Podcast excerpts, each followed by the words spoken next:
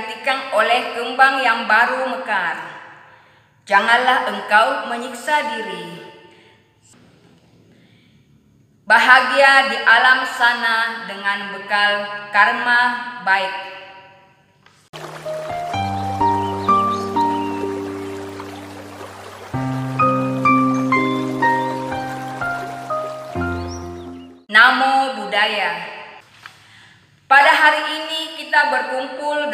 Suasana hati yang sama, yaitu kesedihan mendalam karena telah kehilangan seseorang yang sangat kita cintai bersama. Semasa hidupnya, beliau dikenal sebagai orang yang sangat baik terhadap sesama. Lahir, tua, sakit, mati adalah suatu proses yang pasti akan dialami oleh kita semua. Tidak ada seorang pun yang tahu kapan malaikat maut datang menjemputnya.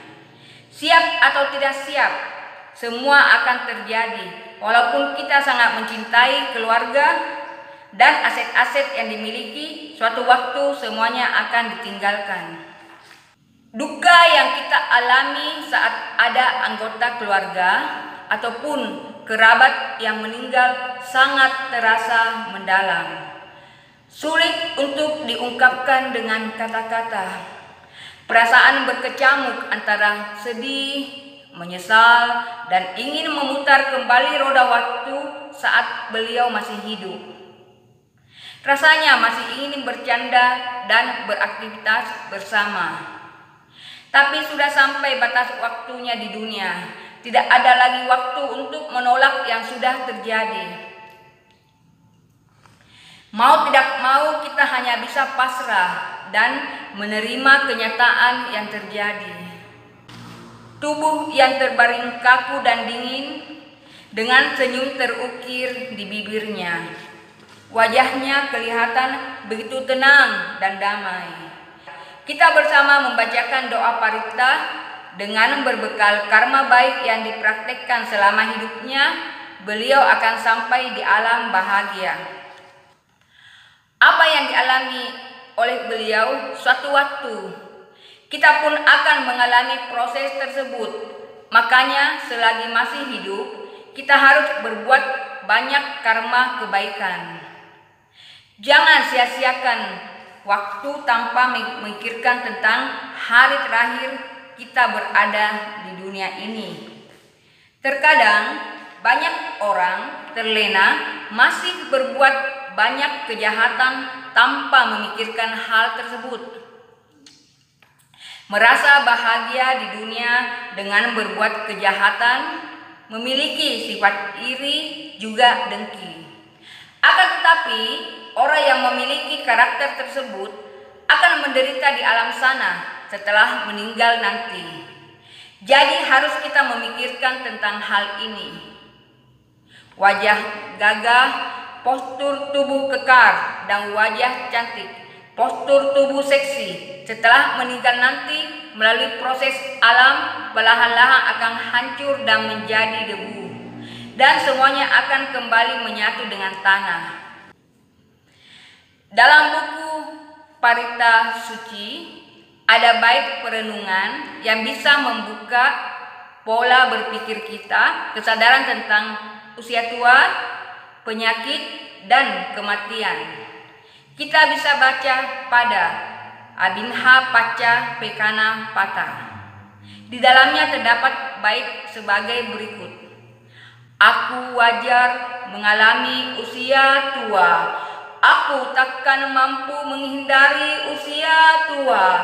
Aku wajar menyandang penyakit. Aku takkan mampu menghindari penyakit. Segala milikku yang kucintai dan kusenangi, wajar berubah, wajar terpisah dariku. Baik perenungan ini bisa kita resapi maknanya sejak saat sekarang sehingga kita bisa lebih memahami tentang kehidupan dan kematian. Baik parita suci ini juga bisa memulihkan kondisi batin bagi seseorang yang keluarga ataupun kerabatnya meninggal dunia. sehingga bisa menerima semua kenyataan yang terjadi dan tidak sampai menimbulkan depresi berat karena belum ikhlas untuk ditinggalkan selamanya. Secara jujur, memang tidak mudah bagi kita semua menerima kenyataan tersebut.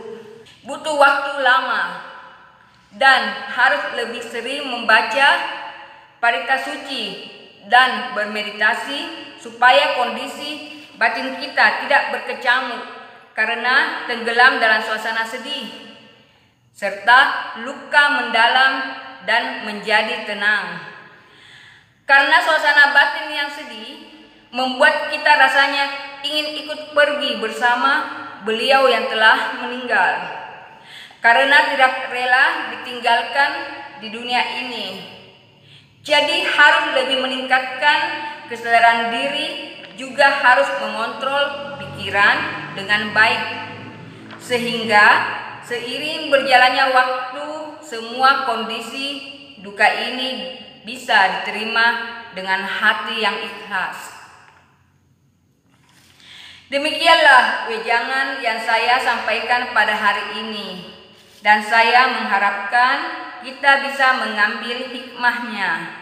Marilah kita bersama mendoakan semoga beliau terlahir di alam bahagia sesuai dengan karma baik yang telah beliau lakukan semasa hidupnya dan keluarga yang ditinggalkan diberi ketabahan. Sadu, sadu, sadu.